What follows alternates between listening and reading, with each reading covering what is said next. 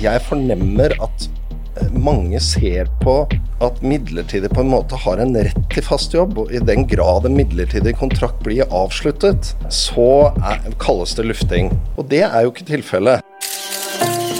Det er så elendig journalistikk at det nærmest burde ha gått inn i komibøkene. vet du. And I want you all to know that we are fighting the fake news. It's fake, phony, fake, fake. Han tok over et NRK som ser veldig annerledes ut i dag enn da han først tiltrådte for sju år, tre måneder og seks dager siden. Velkommen til pressepodden fra Medie24, kringkastingssjef Tor Gjermund Eriksen. Tusen takk. Det har vært mange harde kamper med alt fra globale giganter til konkurrenter her hjemme. Ansatte i streik, strid om bruk av midlertidige. Men det har også vært en prisfest uten like, en hylla satsing på barn og unge, skyhøy tillit og en rekke andre ting. Det skal vi komme tilbake til, men først noen ord fra våre annonsører. Pressepodden presenteres av Amedia. Vi når to av tre nordmenn hver eneste uke med vår journalistikk og våre annonser.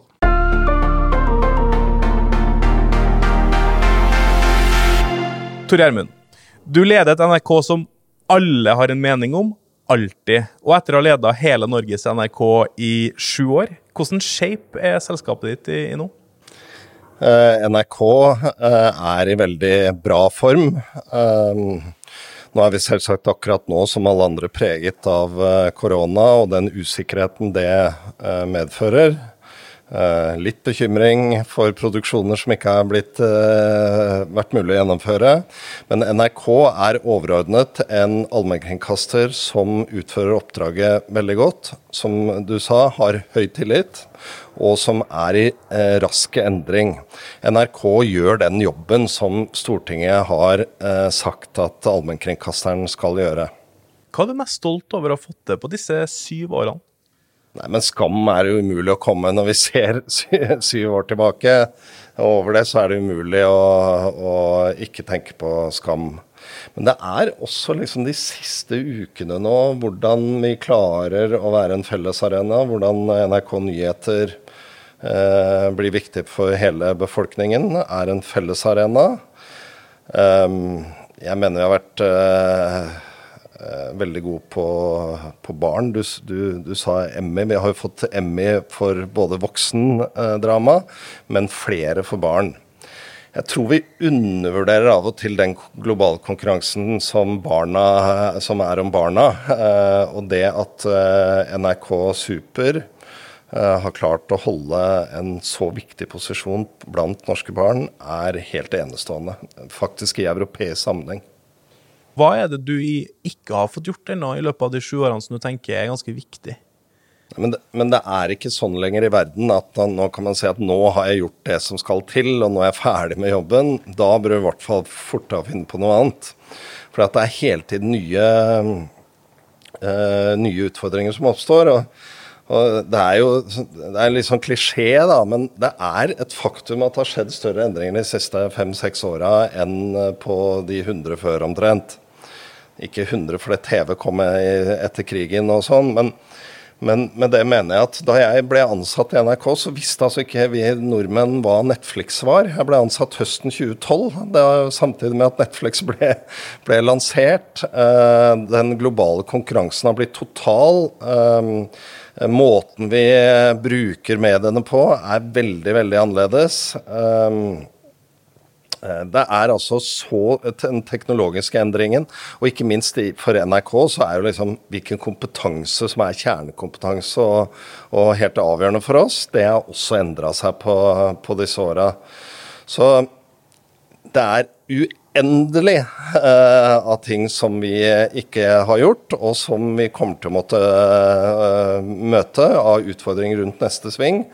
Men jeg tror det er viktig å ha den innstillingen nå, at man er på en måte forberedt for, uh, forberedt for det ukjente, og mer vant til å jobbe i litt sånn mer usikre uh, rammebetingelser. Ja, for Når vi diskuterer i norsk mediebransje, så blir det veldig snevert ofte at man, eh, vi konkurrerer oss imellom. Vi er på en måte uh, Du ser et skipssted som går hardt ut mot NRK veldig ofte, nesten på inn- og utpust. Det har også fortsatt under Kristin Skogen Lund og, og, og, den type ting.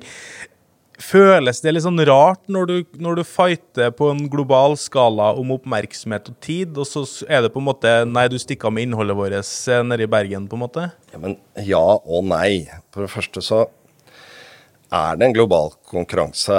Um, og Før så kunne man på en måte regulere det norske mediemarkedet. og Hvis noen, mista, noen norske medier mista bruk, så kom det andre til gode. Alle skjønner at det ikke er sånn lenger. Samtidig så tenker jeg at NRKs rolle og i jobben som kringkastingssjef, så så må jeg forberedt på diskusjonen. Det er legitimt, det er helt greit. Uh, og jeg er blitt ganske vant til det, for å si det sånn. Uh, og jeg, jeg syns at det er uh, et perspektiv som ofte mangler, og det er hva er liksom samfunnet tjent med, hva er publikum tjent med. Eksempel nå. Um, det er bra i en krisesituasjon som oppsto da akutt og plutselig i mars at vi har en allmennkringkaster som har eh, stor tillit. Det er jo bra for publikum og bra for Norge at bruken av NRK går opp i en sånn situasjon. Så må det også legges til at det er bra at også de eh, kommersielle privateide mediene får økt uh, bruk i en sånn situasjon. VG har jo nesten hatt hele Norges ja. befolkning inne ja. på én dag. Og så hadde, Hvis jeg hadde vært i, i, i, i Kristin Skogen Lunds uh, sko, så hadde jeg også vært bekymra for inntjeningen og finansieringen av innholdet. Sånn at jeg tenker at det er jobben hennes, men jeg mener jo, og det, det er det vil være et helt elendig tiltak for resten av mediebransjen å starte med å svekke NRK. Det kommer bare til å svekke det uh, mediemarkedet i Norge, det norske mediemarkedet. Nå er du kringkastingssjef og må forsvare det, men du har jo en bakgrunn fra Amedia hvor du også tidligere siterte på at NRK tar for stor plass og, og, og den type ting. Så ja, det hører kanskje med til rollen da, eller? Jeg, jeg, vet ikke hva du sikter til hvis du sier at jeg var en stor kritiker av det. For det opplever jeg ikke at, at jeg var. Men, men, at vi hele tiden har en diskusjon rundt virkemidlene i mediebransjen. Eh, det jeg har lyst til å si, da, det er at du finner nesten Eller du finner ingen land som har en god mediepolitikk bare overfor de private mediene. Eh, eller bare overfor en allmennkringkaster, hvis du ikke da ser på land som eh, vi ikke liker å sammenligne oss med. Altså, Rene diktaturer er vel, der er vel ikke private medier. Uh, jo da, bare at de er statlige. Ja, men i, i, i, land som Jeg tror det har en sammenheng, da, og både Og alle er tjent med en ganske stor stabilitet i mediepolitikken. Og for å ha en bred politisk oppslutning rundt mediepolitikken, så tror jeg det er eh, nødvendig å både ha en offentlig eid, uavhengig, men god, godt finansiert allmennkringkaster, og eh, tiltak overfor mediebransjen, som momsfritak og andre ordninger. Eh, og jeg tenker at uh, for, den, for Kristin og andre så bør man jo argumentere for at ja, vi har NRK, et godt NRK. Derfor må vi også ta et politisk ansvar for resten av mediebransjen. Dere fighter jo litt sånn eh, i spaltene og sånn, men eh, dere er gode venner òg, eller? altså, jeg kjenner Kristin Skogen Lund godt. Hun har vært min styreleder, faktisk, da hun jobba i Telenor. Uh, så litt spill på galleriet må han ha? Nei, men det er jo noen realiteter uh, under her. Men må huske på at jeg sitter ikke og bestemmer NRKs oppdrag. Uh, det er altså Stortinget, det er vedtatt bredt politisk i Norge at vi skal ha en allmennkringkaster som er et offentlig fellesgode. På linje med andre goder vi har, eh, har i samfunnet, og som er finansiert over offentlige budsjetter.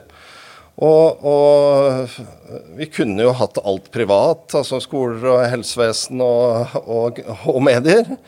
Men det er altså noen overordna hensyn som gjør at man av og til griper inn i, i markedet også, og etablerer et offentlig gode. Men samtidig så har du jo eh, du har jo en driftsramme. altså Inntektene har økt fra 5,6 milliarder i 2015 til 6 milliarder i 2019. Da snakker vi års, eh, eh, tatt fra årsresultatet til, til, NRK. Så du evner å få økte rammevilkår til tross for at vi har hatt den mest høyrevridde regjeringa noensinne. Altså, Er du magiker? Nei, men det er jo ikke økte rammer, det. Det er altså litt mindre vekst enn pris- og lønnsvekst. Både de fleste av oss har hatt en, eh, en, lønnsvekst i samme tid, og NRKs inntekter har økt litt mindre enn den generelle pris- og lønnsveksten. Så, det ser... bildet du tegner der, er at NRK omtrent har de samme, uh, samme ressursene. Uh, til å konkurrere i et uh, stadig tøffere marked hvor kvaliteten må gå opp. Men dine kolleger i Norden ser jo det motsatte. DR kutter 20% av budsjettet. 400 eh, redaksjonelle årsverk må, må, borte. Du har en ganske annen realitet her i Norge, da? Altså, vi har omtrent akkurat den samme realitet som i Sverige. Men Sverige bruker mye, mye, mye mer penger på allmennkringkasting. Uh, fordi de er større, og de har jo tre selskaper. Eh, men de har en vekst på ca. 2% i året, som er eh, omtrent tilsvarende. I Danmark så er, har det vært annerledes. Der har det vært en stor strid, eh, politisk strid, ikke bare om allmennkringkasting, men om mye, som gjorde at DR måtte kutte. Nå ser jo situasjonen litt annerledes ut igjen for, for DR. Men hvis, hvis vi tar Danmark, da, så er det jo ikke noe sånn noe som tyder på at det har hjulpet mediemangfoldet for øvrig å kutte Dam eh, Danmarks Radio eh, så mye. Så har, har, de har ikke fått en bedre mediesituasjon i, i Danmark, bare mindre penger.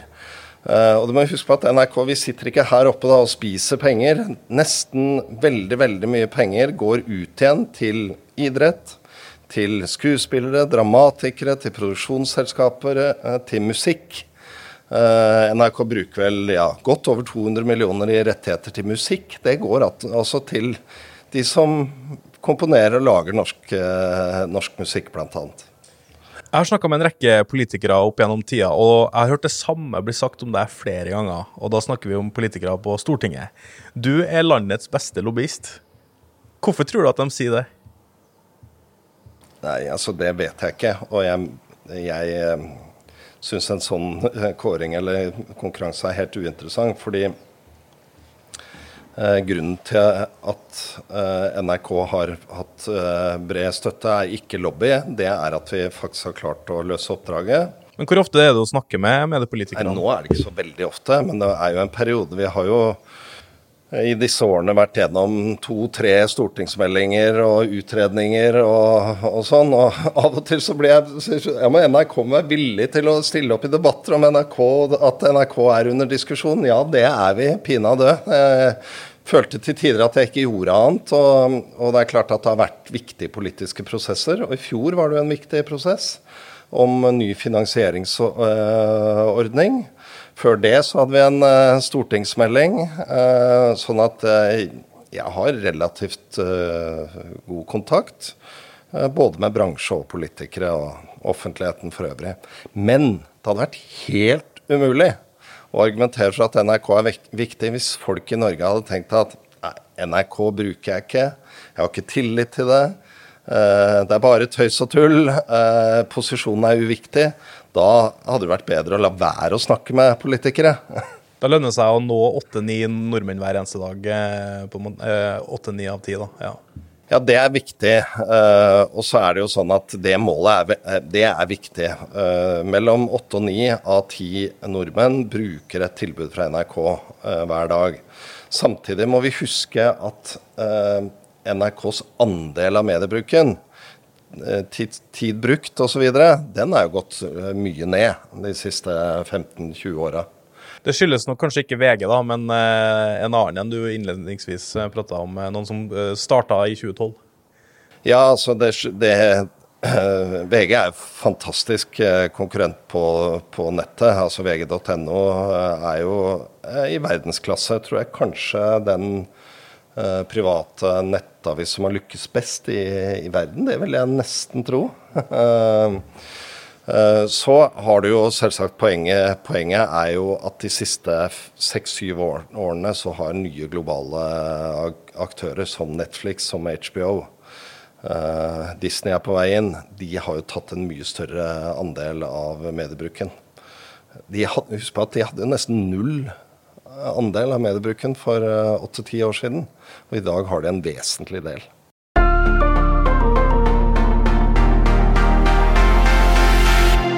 Pressepodden presenteres av Amedia.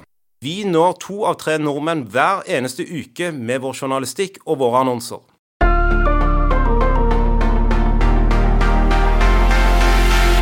Tor Gjermund, jeg vil snakke med deg litt om omstilling. Eh, for det er jo ganske annerledes NRK du leder i dag enn da du tok over. Eh, hvordan, Hvis du liksom tenker personal, strategi, altså inhouse, hvor annerledes er NRK nå enn da du kom i 2013? Vi er mindre. Vi er 500 færre ansatte, faktisk, eh, enn i 2013. Eh, vi eh, har en helt annen sammensetning av kompetanse. Vi har veldig flinke fagfolk på mange områder i NRK. Eh, men det er jo særlig innenfor teknologi, digitalisering, medieutvikling. Der har vi jo mange dobla. Vi er vel en ja, 250, mellom 200 og 300 kanskje, og var kanskje 50. Det har vi jo Så den type kompetanse som andel uh, i NRK har jo økt veldig, til tross for at vi har gått ned i totalantall. Uh, veldig mange av jobbene som var i NRK for fire-fem år siden, er borte. Det er vel oppimot en 800-900 uh, som var her for fem år siden, som ikke er her i dag. Vi har klart å rekruttere nye, men så er det jo noen grunnleggende ting. Da. Og det er jo ikke sant, de virkelig talentfulle eh, fagfolkene, in, enten innenfor produksjon, regi, sportsproduksjon, historiefortellinger eller journalistikk, de trenger jo vi. Uh, vi har blitt et litt smalere NRK i den forstand at det er en del ting vi ikke gjør, mens vi drev alt innhouse, alt fra kantine til Eh, til en del IT-tjenester, mer administrative. Eh, det er satt ut eh, til andre som driver det som kjernevirksomhet. Og for meg så handler det, og for oss så handler det egentlig kjernen i det, er at vi er helt nødt til å ha en kvalitet og en kompetanse i verdensklasse. Og, og der vi må ha det, må vi drive og utvikle kompetansen hele tiden. Og det er rett og slett sånn at jo mer du har å tenke på, jo mindre tid har du til å tenke på det aller viktigste. Så vi, vi, må på en måte konsentrere oss om utvikling av kompetanse innenfor de områdene som NRK må være i verdensklasse. Jeg husker ja. Da jeg jobba i, i, Forsvaret, så, så, så, var det en, en major husker jeg, som satte seg ned og så sa han, åh, nå har jeg jobba i, Forsvaret i 20 år, og vi har omstilt i alle 20 årene. Når skal dette her slutte, egentlig? Og så tenker jeg, det skal det egentlig noen gang slutte? Hva er ditt perspektiv på det? Nei. Da jeg husker jeg ble sjefredaktør i Dagbladet ja, Det begynner å nærme seg 20 år siden. Eh, 2003. Og da gikk vi inn i en stor omstilling som mildt sagt var, eh, ble støyete. Um, og da, da, var holdningen hele tiden, tror jeg, både hos ledere og ansatte og tillitsvalgte Nå skal vi bare liksom gjennom denne omstillingen, og så kommer vi ut på andre siden. Nå og så kan vi jobbe sånn som vi gjorde før? på en måte? Ja. ja. ikke bare det, men da har vi gjort en endring, og så blir det stabilitet igjen. Litt den derre synet på at nå omstiller vi, og så har vi stabilitet. Og dette omstillingsprosjektet, det det varer fra 1.3 til uh, sommeren, og da er vi ferdige. Sånn er det jo ikke lenger. Det er kontinuerlig hele tiden. Uh, og omstillingsbegrepet er kanskje blitt litt forslitt, for jeg, jeg, er mer glad i utvikling. Og det er klart, Hadde ikke NRK uh, hadde ikke vi maktet i samarbeid med ansatte, i samarbeid med tillitsvalgte Vi har ikke alltid vært enige, men vi har nå fått det til. Eh, hadde vi ikke gjort de endringene, så hadde vi heller ikke hatt den posisjonen vi har i dag. Måtte gjøre noen sånne tydelige valg. Et av dem var at vi må bli bedre og få mer kapasitet og kompetanse på teknologi, eh, medieutvikling. Et annet f.eks. var jo at NRK må ha høyere kvalitet og større volum på norsk drama. Det tror jeg vi har, det har dobla altså, de siste årene. Eh, fordi det er en veldig viktig konkurranseflate mot de globale. Men jeg synes en ting som er ganske viktig her, for at du skal jo som du sier, konkurrere med de globale gigantene, som er på en måte eh, unge, hippe folk som kommer med helt nye forretningsmodeller, og som på en måte disrupter alt du driver med. Og så sitter man med en arbeidsstokk som har en snittalder på 47 år, som det er da i NRK. som og det er klart at det er ikke noe, Alderen trenger ikke være problemet, men det er klart at du må jo følge med i den nye mediehverdagen for å komme dit. Har det vært en hindring? Nei. Um, hvis ledere begynner med å skjelle ut de ansatte, så, så er det sjelden, sjelden at man oppnår noe, noe særlig bra. Det er, det er, to innfallsvinkler til det spørsmålet. Det ene er selvsagt at um, ingen skal høre av meg at det er et problem at de liker å jobbe i NRK, er lojale til NRK, utvikler seg, deler kunnskap. Uh, talent uh, er ikke nødvendigvis knytta til alder. Um, og når det kommer inn unge folk her, så kommer de inn her bl.a. fordi det er veldig attraktivt å jobbe med mer erfarne kolleger. Uh, men selvsagt må vi være veldig tydelige på å forvente uh, nysgjerrighet, forvente at man aktivt uh, endrer kompetanse. Eh, er med på innovasjon, forsøker nye ting osv. Ja, for det er jo liksom... ikke mange 47-åringer på TikTok. Nei. Og så er den andre innfallsvinkelen er jo litt det du antyder der. At NRK må selvsagt eh, rekruttere unge mennesker hele tiden. Eh, og det å være ung er en viktig kompetanse i seg selv. Eller ha mangfold, for den saks skyld. Vi er en for for å si det i disse dager. For hvit er for mange som kunne ha hett Eriksen. Tor Eriksen. Vi har ikke klart å løse mangfoldet godt nok, selv om NRK er blant de bedre i, i Norge. altså. Ja, For dere har jo prosjekter som flere, f.eks. Ja, ja, men bare fullføre det. for at Alder er ikke et problem i seg selv, men skal NRK kunne reflektere og lage innholdet, kommunisere, være i øyehøyde med nye generasjoner, så må vi selvsagt ha folk i vår organisasjon som representerer de generasjonene. Jeg og til og med du ikke, er ikke de rette til å lage innhold og vite hva en 16-17-18-åring trenger nødvendigvis. Sånn at vi må hele tiden være en åpen organisasjon i flere betydninger. ene at vi, vi, må tiltrekke oss unge talenter hele tiden. Vi må ha plass til dem. Og vi må være en organisasjon som tør og vil og evner å jobbe med folk eh, utenfor NRK hele tiden. Og det er også en, en stor endring de siste årene. At vi jobber mer med flere eh, utenfor. Siden du tok over i 2013, så har det gått fra 3690 faste årsverk over til 3334. Det er en prosentvis nedgang på ca. 10, 10, 10 um, Akkurat nå så raser det jo en debatt eh, som journalisten skrev om, som Medie24 skrev om i fjor, og som journalisten skrev om året før, og Medie24 skrev året før der igjen, eh, som handler om eh, bruk av midlertidige. Når jeg sier ordet lufting, hva sier du da? Jeg vil si at eh, det skjer eh, i veldig liten grad. Og så må vi jo diskutere hva betyr lufting. Fordi at eh, Jeg mener du at det skjer i liten grad? Ja, for det, la meg forklare det, da. Uh, uh, for det første er liksom den totale bruken av midlertidige i NRK veldig lav. Jeg tror vi per nå har ca. 100 av 3250, tror jeg vi er nå. Um, Eh, sånn at hvis vi eh, sammenlignet med nesten alle andre bedrifter, både i vår bransje, altså mediebransjen, og andre i offentlig sektor, så har vi en veldig lav andel eh, midlertidig. Så må vi jo huske på at mesteparten av de midlertidige i NRK er knytta til to forhold. Det ene er jo at folk faktisk har velferdsrettigheter. Altså De er ute i svangerskapspermisjon, omsorgspermisjon og den type ting.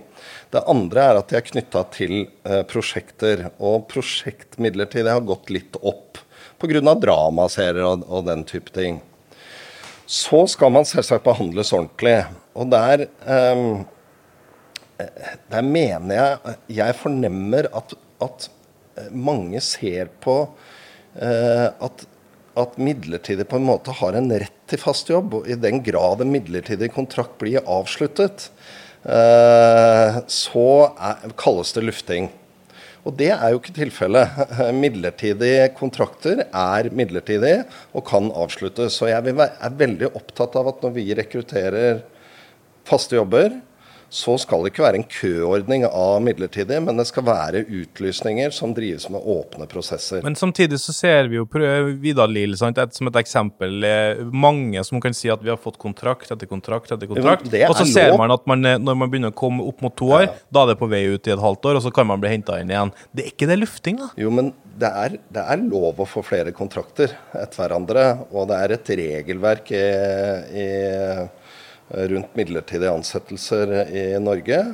Eh, Det er selvsagt dårlig ledelse hvis man går til noen og sier at vet du hva, nå har du vært her så lenge, så nå må du ut. Sånn skal vi ikke ha det. Men det er veldig, veldig få konkrete tilfeller på det. Uh, og så er det selvsagt et annet spørsmål hvorvidt, hvorvidt uh, det er i tråd med loven eller sånn, og det tror jeg det veldig ofte er. Men, men vikarer skal ikke få beskjed nå har du gjort en kjempejobb i to år, og så nå må du bare litt ut, så skal du komme inn igjen. Det er ikke den beskjeden de får, men det er jo det som er i praksis, som vi hører historiene Ja, men jeg på. hører er det og, og så spør jeg hvor, hvor er liksom de konkrete sakene. Jeg, jeg skjønner at folk er skuffa hvis de ikke får faste jobber.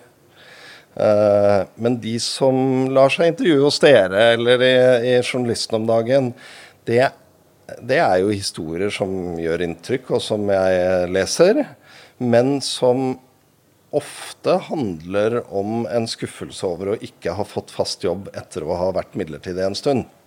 Antall midlertidige redaksjonelle årsverk i NRK økte fra 2018 til 2019 med nesten 18 og, og i 2019 utgjorde vikarer, tilkallingsvikarer og midlertidige 13% av alle redaksjonelle årsverk i NRK. Hvis vi, ok, vi, vi kjenner til problemet og kritikken, men kan vi peke på noen løsninger her? Hvordan kan det løses på en annen måte? Når du sier vikarer, så er det jo ikke noe mål å få det opp eller ned. Eh, Det er jo vikarer, da er du inne for noen som er fast. Og, og f.eks. hvis du får litt yngre arbeidstokk, så vil det være flere i svangerskapspermisjon. Men kunne du Så ansatt en pool av faste Nei, ansatte altså- som gikk inn i de stillingene, eh, når du vet at du bruker så mange på, på, på ulike Jo, men Det er jo et faktum at alle som er fast, hvis de er borte, så skal de ha vikar. Det har aldri, aldri ført til at det blir færre vikarer og blir flere fast ansatte. Hvis det blir flere fast ansatte, så blir det flere vikarer. For da er det flere som skal være borte i, i permisjoner. Så vi må skille litt, da. Eh, Vikarer er ikke noe som noen er, syns er negativt. Det er fordi folk har rettigheter og er borte fra jobben. Enten fordi de har en eller annen omsorgspermisjon eller andre grunner. Eh, når, det gjelder, eh, når det gjelder midlertidige ansatte, så er det litt annet. Prosjektansatte. Eh, og det kan, det kan være knytta til dramaserier eller andre prosjekter. Det er, det, det er en annen kategori. Uh, og det, er, det skal ikke være for høyt, men det er også på et lavt nivå totalt sett i NRK. Men, men dette er jo ikke et problem som gjelder kun for NRK. Altså det, eller, eller, det gjelder jo faktisk i mindre grad for NRK enn de fleste. Dette gjelder VG, Aftenposten, dette gjelder Arbeidets rett, dette gjelder, altså dette gjelder alle i mediebransjen hvor kritikken er om midlertidige. Som en, en, en vesentlig medieleder, da.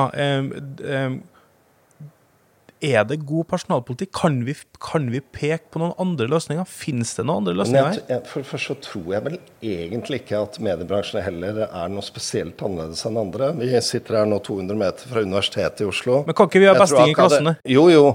Men jeg tror det er nødvendig å ha en viss andel eh, midlertidige. Og nå holder jeg vikarene utenfor, for det er for å erstatte de som er fast ansatte. Eh, og jeg mener at det er også en fordel at folk får, bruke, eh, får forsøkt seg, får lære noe, får kompetanse. Det er klart Folk som har vært i midlertidige prosjektstillinger, de står jo sterkere når neste faste jobb eh, blir, blir utlyst. Jeg tror ikke vi kan ha som målsetting at midlertidig ansatte skal bli borte. Det jeg har vært tydelig på, og som var et, eh, en eh, utfordring i NRK tidligere, det er at man ikke skal fylle opp eh, en, en faste turnuser, en fast behov for kapasitet, med midlertidig. Gjør dere det i dag? Nei, men det, det rydda vi opp i for mange år siden. Vi hadde ekstremt mange krav om fast ansettelse. Veldig mange ble ansatt fordi at de hadde gått her i vanlige turnuser og hatt vanlige oppgaver.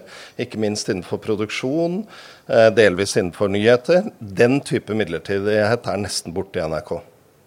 Vi sitter i et lokale nå eh, som eh, er ganske massivt. For dem som ikke kjenner til hvordan NRK Marienlyst eh, ser ut. Så dette er en park nesten av bygninga. bygninger. Og det er nesten. Nesten. Det er en park bestående av altså Hvis vi skal gå til kantina nå, så får vi Skrittelleren er ganske, ganske betydelig, for å si det sånn. Her foregår det et prosjekt. Jeg har jo eh, tidligere, som en disclaimer, tatt til orde for å flytte deg til Trondheim. Det ble tatt imot med variert hell. Eh, men nå, eh, nå eh, begynner det å nærme seg. Du har sagt en avgjørelse i løpet av 2020. Hva skjer med flyttinga? Nå er vi jo i Trondheim da allerede, men ganske Vi må huske på at eh, over- en tredjedel av NRKs ansatte og virksomheter er utenfor Oslo allerede.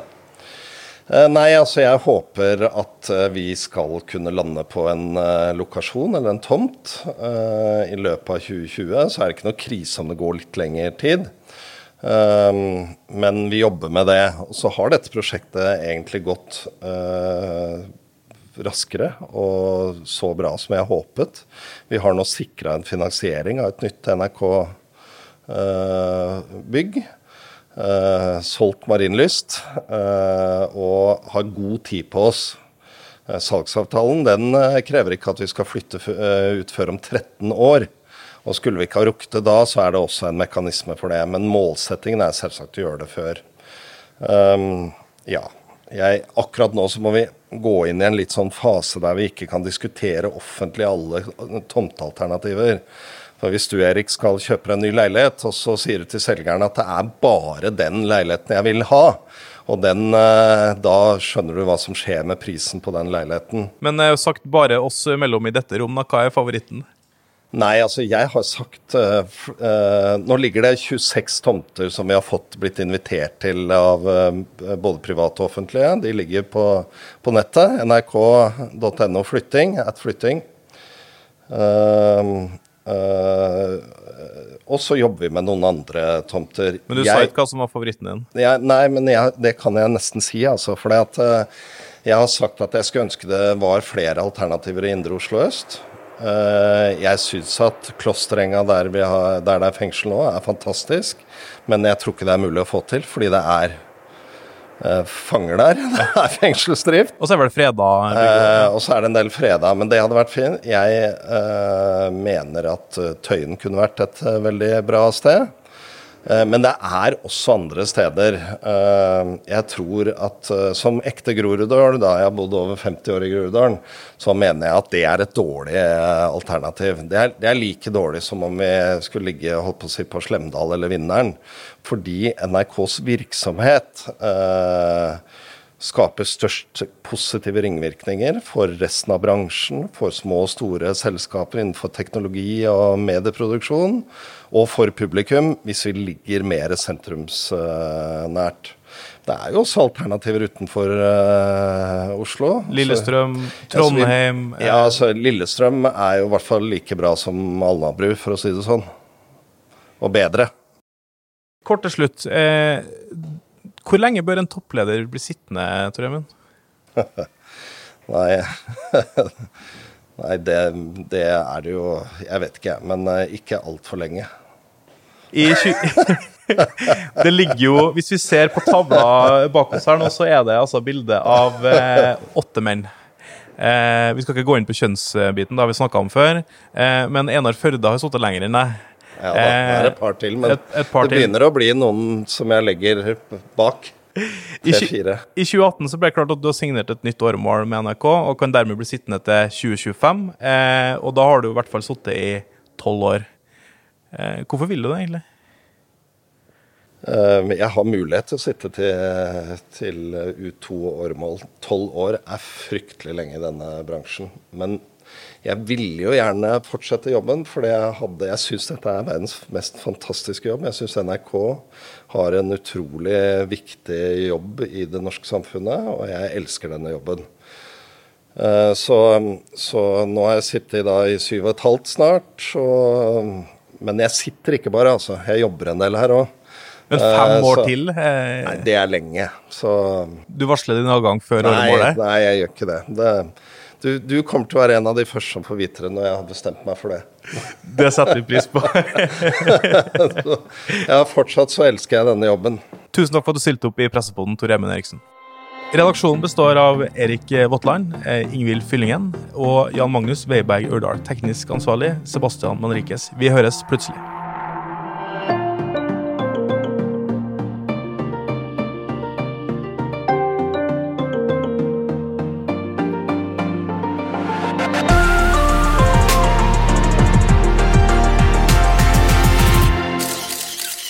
Pressepodden presenteres av Amedia. Vi når to av tre nordmenn hver eneste uke med vår journalistikk og våre annonser.